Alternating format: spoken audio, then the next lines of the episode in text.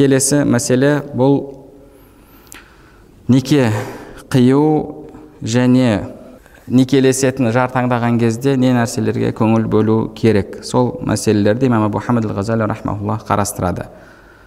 Біріншісі әл ақду адабу ақд яғни неке қию және оның әдептері дейді. Біріншісі изнул уали қыздың ата анасының әкесінің әкесі болмаса ағасының інісінің рұқсаты. Фассултан. Егер оның уәлиі болмаса онда қази патша оның уәлиі болады дейді пайғамбар хадисінде келгендей. Одан кейін екіншісі ридал мара әйелдің разылығы келісімі. Әйелдің келісімінсіз зорлап неке қиюға болмайды. Одан кейін худуру шахидайн яғни екі куәгердің қатысуы дейді одан кейінгі некенің қию некенің қиылуына қатысты мәселе ижабун мұттасилун бих ижаб қабул яғни бағанағы тидім қабыл алдым деген сөздер одан кейін жалпы енді осы некенің әдептерінен немесе некеден алдыңғы шарттардан бұл бірінші құда түсу құда түсіп барып уәлимен келісу және келіскен кезде немесе құда түскен кезде әлгі сіз ниеттеніп жатқан құда түсуге қыздың басқа біреумен келісіп қойған сөз байласып қойған болмауы керек. Немесе немесе кейбір ғұламалардың көзқарасында мысалы бір адам келіп ұсыныс жасады сол жоқ дегенше күту керек деді. Бір ғұламалар айтады егер иә жоқ деген сөз айтылмаған болса әлі ойланып көреміз деген болса ол уақытта баруға болады деді. Барып сізде бағанағы өзіңіздің ұсынысыңызды жасасаңыз болады деді. Екінші бір ғұламалар айтады жоқ деді күту керек деді. Күту керек оған жоқ деп немесе иә деп жауап бергенше деді. Егер иә деп жауап берсе болды мәселе бітеді жоқ деп жауап берсе ол кезде барып құда түсуге болады деді. Жалпы пайғамбарымыз саллаллаху алейхи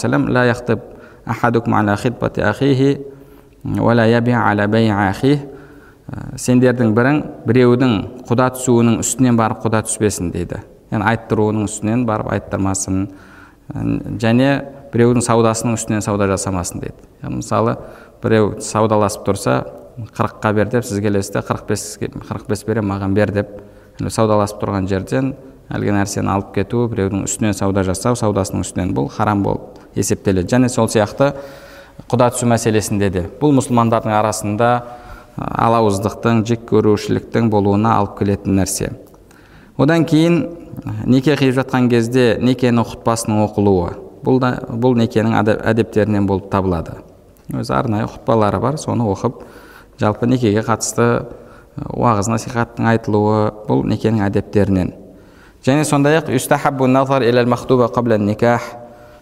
некелеспей тұрып әйелді көру дейді енді ол кездегі және жалпы кейбір араб елдеріндегі бұл мәселе ғой енді біздің елде бұл мәселе енді ондай проблема болып тұрған мәселе емес кейбір жерлерде кейбір араб мемлекеттерінде сол духул яғни некесін қиып болғаннан кейін төсекте бас қосатын кезде ғана әйелдің өзінің жарының жүзін көріп жатады. Сондай жағдайларда болады. Менің сириялық бірге оқыған досым айтқан еді егер мен өзімнің әлгі әкемнің ағасының немесе інісінің қызын көшеде көретін болсам мен танымаймын дейді танымаймын оны дейді неге себебі? Енді шариғат бойынша ол махрам болып есептелмейді. Мысалы сол халяб қаласында қазір алеппо қаласында тұратын еді. Енді алла оларға еліне тыныштық берсін. Оларда жалпы бетті жауып жүру әдет. Бетті жауып жүру әдет ә, енді кейбіреулер оны парыз деп көреді бірақ жалпы сол елдің әдетіне айналған. Кейде намаз оқымайтындардың өзі де бетін жауып жүреді. Себебі ата анасы соны талап етеді қоғамда сол нәрсе қалыптасқан. Ана махрам болмағаннан кейін арасында енді неке жүретін болғандықтан ол келген кезде бетін жауып алады. Яғни өзінің туысқаны бірақ бетін көрмеген көшеде егер өтіп бара жатса мысалы өзінің туған әкесінің ағасының қызы немесе қызы өтіп бара жатса ол оны танымайды. Неге? Себебі жүзін көрмеген. Сонымен кейде екі жақ келіседі де екеуін үйлендіріп одан кейін барып жүзін асып, ашып жатады. Сондай жағдайлар болады. Сол үшін де ғұламаларымыз бірінші жүзін көру керек дейді. Жүзін көру керек. Және одан кейінгі некенің әдебі бұл неке қиып жатқан кезде ізгі жақсы адамдардың қатысуы дейді. Енді адам некелесетін өмірлік жары болатын адамды іздеген кезде әйелді қарастырған кезде не нәрсеге көңіл бөлуі керек? Не нәрсеге көңіл бөлуі керек? Имам абу хамид ғазали айтады. Бұл жерде екі мәселе қарастырылады деді.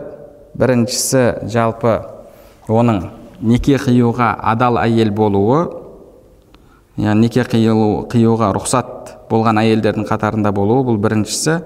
Екіншісі маиша яғни өміріңнің жақсы болуы үшін қарастыратын мәселелер дейді.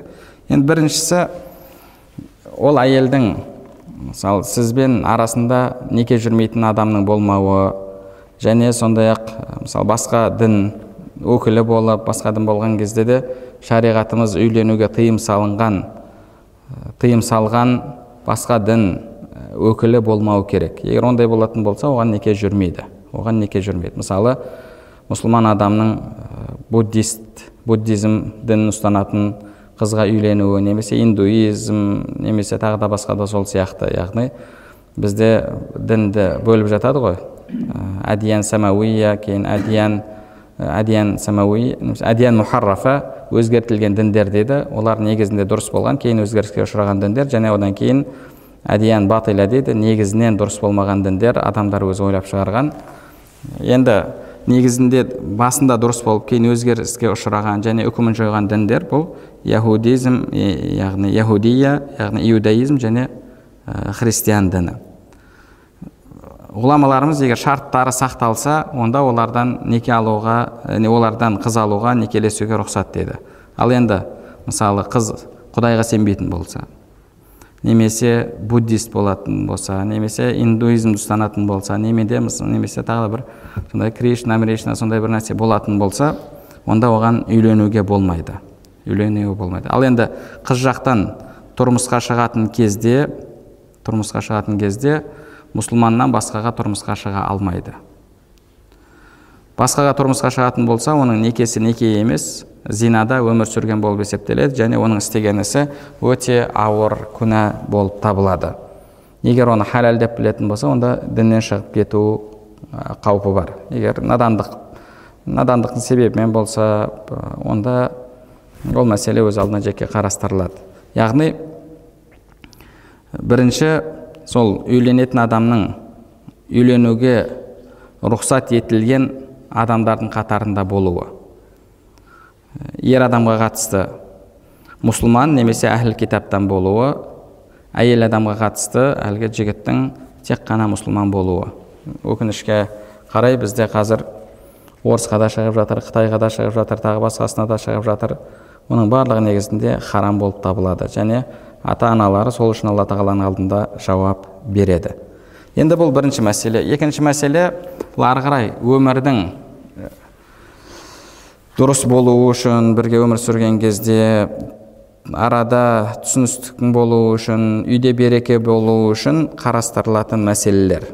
Арадағы неке берекелі болсын бағанағы құрылған шаңырақ сондай берік болсын деген адамда ниет мақсат болатын болса онда мына мәселелерге көңіл бөлуі керек. Ең бірінші қыздың зәтудин яғни діні дұрыс болуы керек.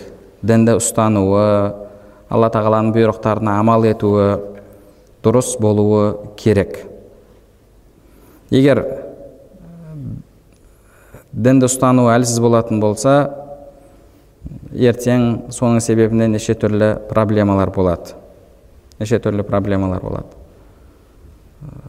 Кейде құдай сақтасын мысалы күйеуіне қиянат қылуға дейін барып қалуы мүмкін тағы да басқа да яғни кейде үйде түсінбеушілік болып жатса сондай іс әрекетке де барып қоюы мүмкін. Жалпы ер адамның жүзін жұрттың алдында жалпы адамды қара бет етіп ыңғайсыз жағдайға қояды. Пайғамбарымыз саллаллаху алейхи сол үшін де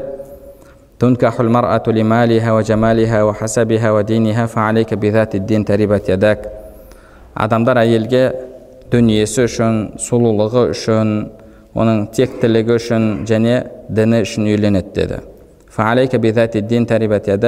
Сен діндегісін таңда бақытқа кенелесің бақытты боласың деді. Хадисті имам бұхари және мүслімдер риуаят еткен. Яғни бірінші оның тақуалығына көңіл бөлу. Екіншісі хуснул хулуқ оның әдеп ақлақының жалпы мінезінің көркем болуы көркем болуы. Бұл жалпы яғни дін дінмен бірге жүретін немесе негізі діннің бір бөлігі болған мәселе бірақ кейде екеуі екі бөлініп кетіп жатады. Мысалы бір әйел намазды жақ, намазды көп оқиды құран оқиды тағы да басқа да құлшылықтарды жасайды.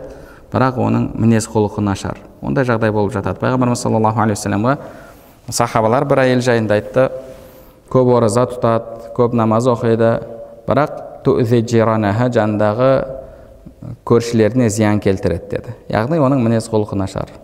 Пайғамбарымыз саллаллаху алейхи уассалам оның әлгі намаз оразаларының пайдасының аз болатындығын айтты. Сол үшін де адам мінез құлқына көңіл бөлуі керек. Әйелге қатысты айтады немесе ер адамға қатысты қыздың уәлиіне пайғамбарымыз саллаллаху алейхи вассалам айтады егер сендерге діні және мінез құлқы көңілдеріңнен шығатын адам келсе деді. Оның діні және мінез құлқы пайғамбарымыз саллаллаху алейхи бұл жерде мінез құлықты бөлек көрсетіп тұр. Негізінде енді көркем мінезді болу бұл діннің ішіне кіретін мәселе бірақ кейде екеуі екі бөлек кетіп жатады. Сол үшін оның тек қана намаз оқитындығына немесе бағана құран жаттағандығына емес оның мінезіне де қарау керек. Мысалы көршілері біледі оны егер туысқандар арқылы білуге болады егер мысалы үйіңіздегі қарындасыңыздың немесе бір туысқаныңыздың құрбысы болатын болса сол арқылы мінезін сұрауға болады. Жалпы оның тума мінезі болады мысалы қырсықтығы болады тағы да басқа да сол секілді. Енді кейде жалпы адам дінге амал еткен кезде кейде өзін түзетуге тырысады. Енді мен алла тағаланың алдында жауаптымын мысалы ерімнің алдында міндеттерім бар деп өзін зорлап болса да кейде бір түзетуге әрекет жасайды. Неге? Себебі діні сол нәрсені талап етіп тұрады. Бірақ бәрібір адамның негізгі тума мінезі түгелдей өзгеріп кетпеді. Түгелдей өзгеріп кетпейді мысалы біреулер негізінде мінезі ашық болады бағанағы көңілді болады біреулер қырсық болады тұйық болады тағы да басқа да сол секілді. Яғни ол нәрсе түгелдей өзгеріп кетіп жатпайды. Сол үшін ол жағына да жалпы көңіл бөлген дұрыс. Табиғаттарыңыз бір біріне келеді ме келмейді ме сол жағына көңіл аудару керек. Және одан кейін үшіншісі хуснул уәжі жалпы түрінің бет әлпетінің көңіліңізден шығуы яғни әйеліңіздің немесе сіз алмақшы болған үйленбекші болған қыздың сіздің көзіңізде сұлу болуы. Бүкіл адамдар үшін сұлу болуы шарт емес. Сіз үшін сұлу болады басқа үшін басқа сұлу болады. Жалпы арабтар айтпақшы дейді. Егер адамдардың талғамы әртүрлі болмағанда базарлар жалпы жұмыс істемес еді базарлар жабылып қалар еді деген мағынадағы сөз бар. Егер мысалы адамның бәрінің талғамы бір, бір болатын болса онда түрлі заттар болмас еді. Сол үшін жалпы әйеліңіздің бет әлпеті сіздің көңіліңізден шығатын болуы керек. Бұл мәселеде жұртты тыңдаудың қажеті жоқ. Мысалы досыңыз ой сонда не қыласың ба? Ана жер мынандай ғой мына жер мынандай ғой ол мәселеде біреудің сізге ақылы қажет емес. Сіздің көңіліңізден шығып тұр ма? Сіз үшін сол жеткілікті. Жалпы адам табиғатында негізінде түрін өзі ұнатпайтын адамға былай іші жылымайды онша. Іші жылымайды. Сол үшін де негізі оның бет әлпетіне көңіл бөлуі керек. Пайғамбарымыз саллаллаху алейхи вассаламның діндегісін ал яғни діні көркем болған ал деген хадис түні түрі ұнамаса да ал деген сөз емес. Ол жерде соны негізгі яғни түрінің әдемі болуын негізгі критерия негізгі шарт ретінде қарастырып бағанағы дініне көңіл бөлуді ұмытып қойма деген мағынадағы сөз.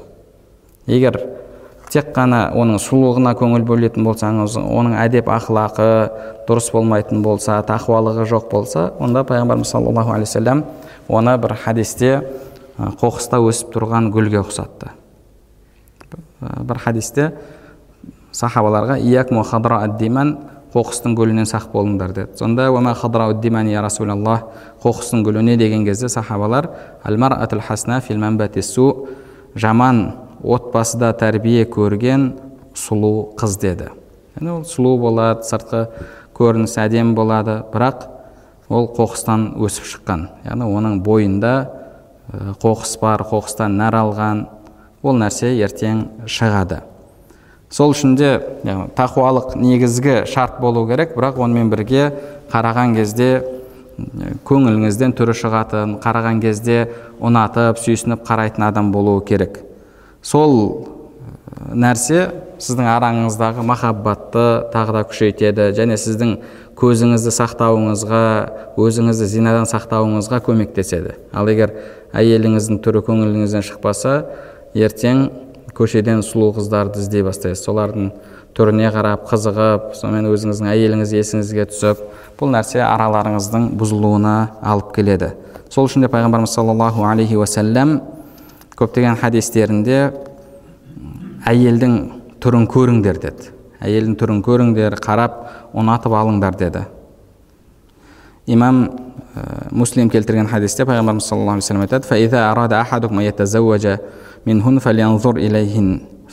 алейхи вассалам егер кімде кім үйленбекші болса онда қарасын көрсін деді. Имам амаш айтады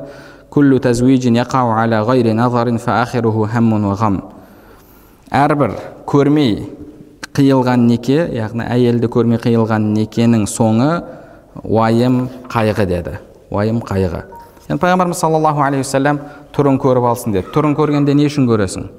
Түрін сен түрін көру арқылы оның ақылақын біле алмайсың. Түрін көру арқылы оның дүниесін біле алмайсың. Түрін не үшін көресің? Түрін ұнату үшін көресің. Түрі ұнайды ма ұнамайды ма саған? Сол үшін көресің пайғамбарымыз саллаллаху алейхи уассалам өзінің тағы бір хадисінде имам насаи рахмаулла келтірген хайру нисаикум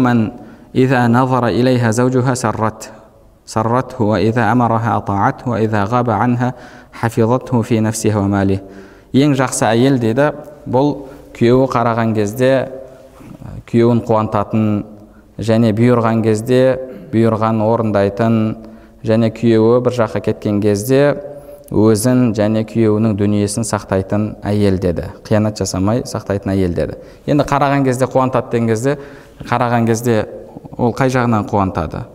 Бірінші альхамдулилля мінез құлқы жақсы тақуалығы жақсы қараған кезде алла тағала осындай әйел нәсіп еткеніне құдайға шүкір деп қуанады. Одан кейін түріне қараған кезде оның сұлулығы көңілінен шығып тұр. Альхамдулилля әйелім сондай сұлу деп сол үшін қуанады.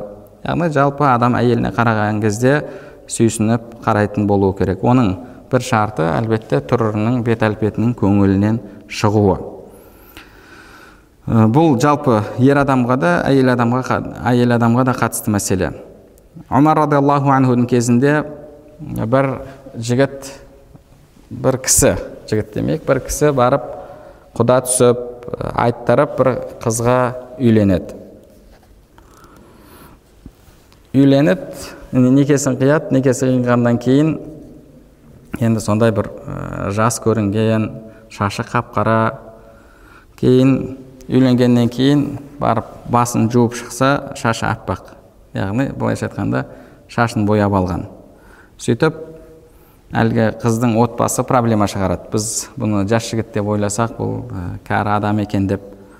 Омар радиаллаху анхуға осы мәселені көтерген кезде омар радиаллаху анху әлгі кісіге дүре соқтырады. Сен мына қауымды мына адамдарды алдадың деп. Негізі яғни адам ондай нәрселерін ә, жасырып қалмау керек. Жасырып қалмау керек. Бір кемшілігі бір нәрсесі болатын болса ол нәрсені айту керек. Себебі ә, ада, әйелдің келісімі деген нәрсе бұл маңызды нәрсе. Келісімі маңызды нәрсе. Келісіміне кедергі келтіреді ау деген кез келген мәселені негізі адам айтуы керек. Мысалы менде мынандай ә, нем бар мынандай дертім бар басқа деген секілді. Әйел адамда сондай бір проблемасы болатын болса ол нәрсені айтуы керек. Және ә, қазіргі кезде әйелдің келісіміне кедергі жасауы мүмкін болған нәрселердің бірі мысалы егер екіншісін алып жатса біріншісінің бар екендігін айту. Бұл міндетті нәрсе болып табылады. Егер оны білсе ол келісімін бермеуі мүмкін. Яғни сен оны алдап үйленіп алған үйленіп алуың мүмкін. Сол үшін бұл нәрсені жалпы жасырмау керек. Алдыңғы кітаптарда немесе кейбір ғұламалардан осы мәселе сұралған кезде оның яғни оның ешқандай қатысы жоқ айтуға міндетті емес деген секілді сөздерді айтқан. Енді белгілі бір уақыттарда бұл мәселе жалпы кең тараған мәселе болған кезде проблема болмаған болуы мүмкін. Бірақ қазіргі таңда бұл көптеген әйелдер үшін проблема. Ол екінші жолы шыққысы келмейді. Үшінші жолы шыққысы келмейді таңдауы. Оны мәжбүрлеп үйлене алмайсың. Ондай болатын болса жасыруыңа болмайды. Енді сондай жағдайлар болған. Бірінші әйел жалпы әйелі бар екендігін айтпастан некесін қиып алып одан кейін барып өзінің екінші екендігін білген қыздар бар. Сол үшін де жалпы оның келісіміне ә, бір әсерін беретін кез келген нәрсе жайында хабар беру керек.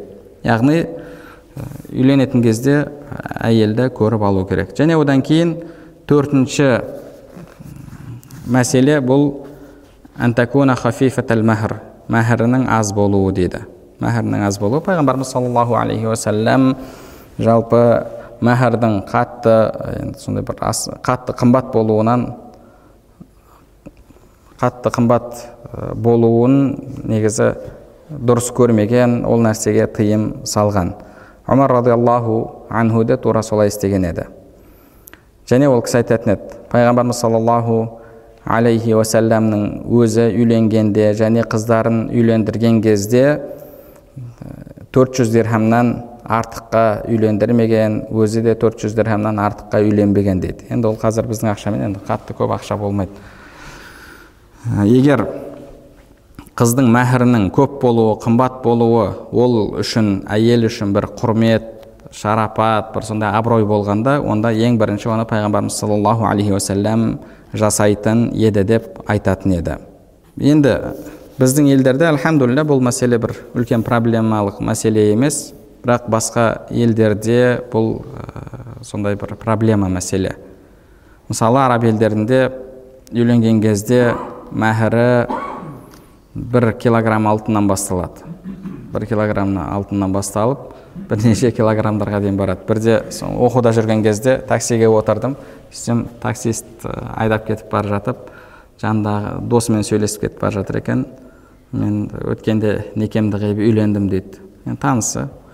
Мәһірің қанша болды? Қанша мәһірге келістіңдер десе арбаа кило дейді. Яғни төрт килограмм. Төрт килограмм алтын мәһірі енді бірақ бұл оның барлығын бірден төлемейді. Барлығын бірден төлемейді. Оларда мәһір муаджал және муаджал болып бөлінеді. Немесе мұқаддам муаххар дейді қазір беретіні кейінге қалдырылатыны бар.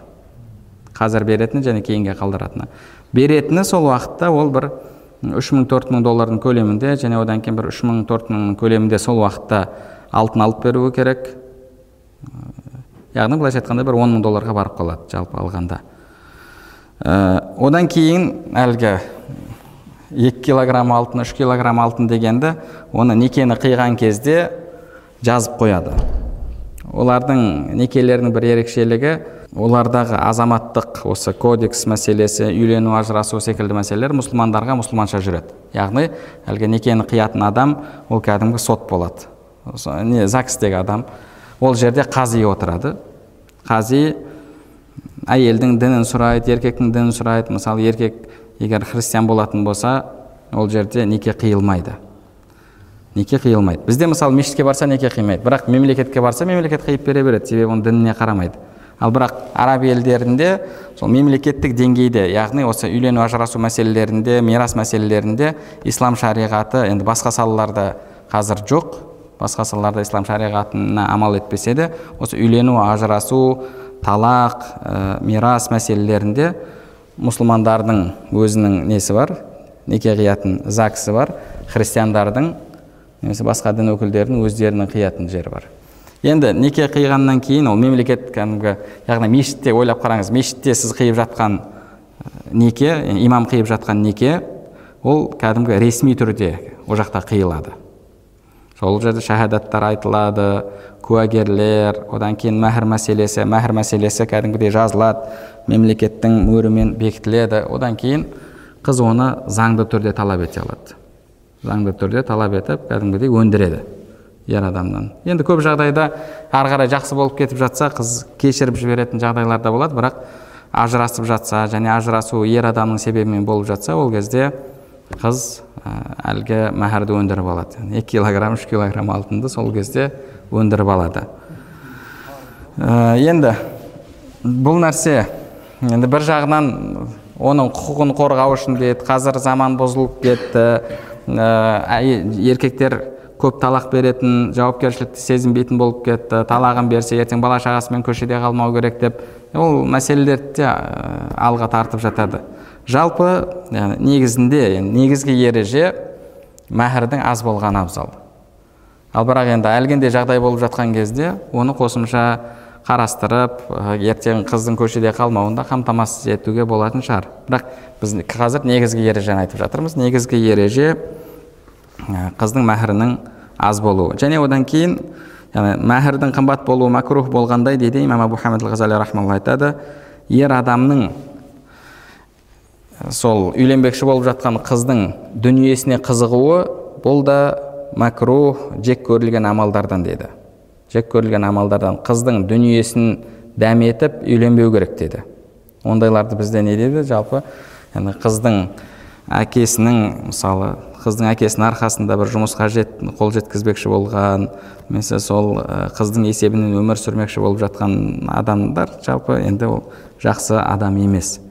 Не дейді ондайларды? Альфонс дейді ма? Бағанағы альфонс деген сөзді біреулер мысалы күш күш күйеу деп айтып жатады. Бұл нәрсе негізі шариғатымызда жек көрілген амал болып табылады. Имам саури рахмаулла айтады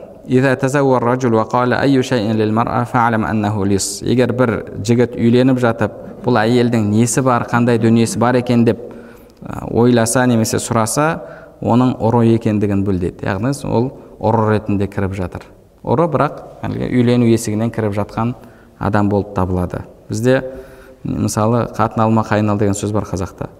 Жалпы бұл сөздің негізгі дұрыс мағынасы қайын сол ертең саған қайын жұрт болатын адамдарға қара мысалы оның әкесіне қара оның шешесіне қара тәрбиесіне қара сөйтіп үйлен деген мағынада бірақ ә, бізде қазір оны қатын алма қайын ал деген яғни олардың мықты болуы бағанағы қыздың әкесінің бір жақсы жерде жұмыс істеуі бір мұнай компаниясында істесе сені сол жаққа жұмысқа тартып алады министрлікте істесе сені жұмысқа тартып алады. Енді қызы үшін не қылады ғой сені қайда барады деген осындай көзқараспен үйленіп жатады. Анау неде бар ғой әлгі?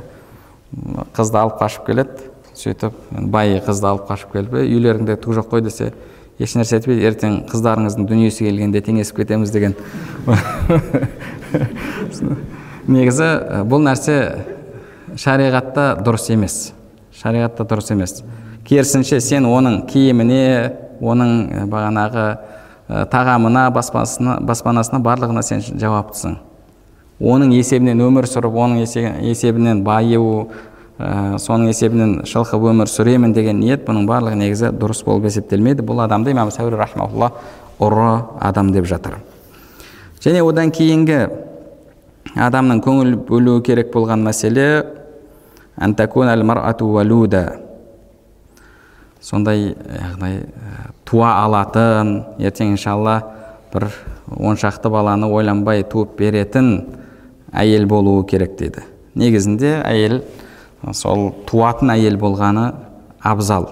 Енді бір адам мысалы енді кейде орта жаста әйелінен айырылып жатады енді қайтадан дүкеннен паузен не дейді паузенке немесе памперс тасуға ешқандай несі жоқ. Сол кезде кейде сондай көтермеген басқа да нені қарап жатады ғой. Бірақ жалпы енді шариғатта ол нәрсе харам емес. Негізінде харам емес көтермейтін қызға үйлену. Мысалы некеде болды 5 жыл 6 жыл 7 жыл тұрды көтермеді сонымен ажырасты. Мысалы көтермегендігінен ажырасқандығын біледі. Мысалы сол себепті үйленіп жатса ол негізінде харам емес. Бірақ ә, негізінде адам үйленген кезде сол үйленемін иншалла ұрпақ сүйемін пайғамбарымыз саллаллаху алейхи вассаламның ұрпағын көбейтемін ә, кешіресіздер үмбетін көбейтемін. Ертең иншалла артымда мен үшін дұға жасайтын сондай ізгі ұрпақтың қалуы керек ұрпағымды жалғастырамын деген ниетте болуы керек. Енді кейде бала шағасы бар басқа жағдайда енді оны мәселені де қарауға болатын шығар. Бірақ негізінде пайғамбарымыз саллаллаху алейхи вассалам сондай көп туып беретін бала туып беретін және күйеуіне қатты махаббат қоятын сондай қызға үйленіңдер деді. Енді оны мысалы анасына қарап білуге болады. Кейде оны дене бітімін де айтып жатады. Мысалы сәл не болуы енді қазіргі біздің бұзылған заманда әлгі бүкіл әлемге белгілі бір стандартты жасап беріп міне сұлу әйел адамның стандарты осы осыған сай келмегеннің барлығы негізгі әлгі идеал стандартқа сай емес деген сондай түсініктер тығып берген жерде уақытта мүмкін ол сәл толықтау болуы біз үшін ол сәл біртүрлі шығар бірақ негізінде кітаптарда солай келеді.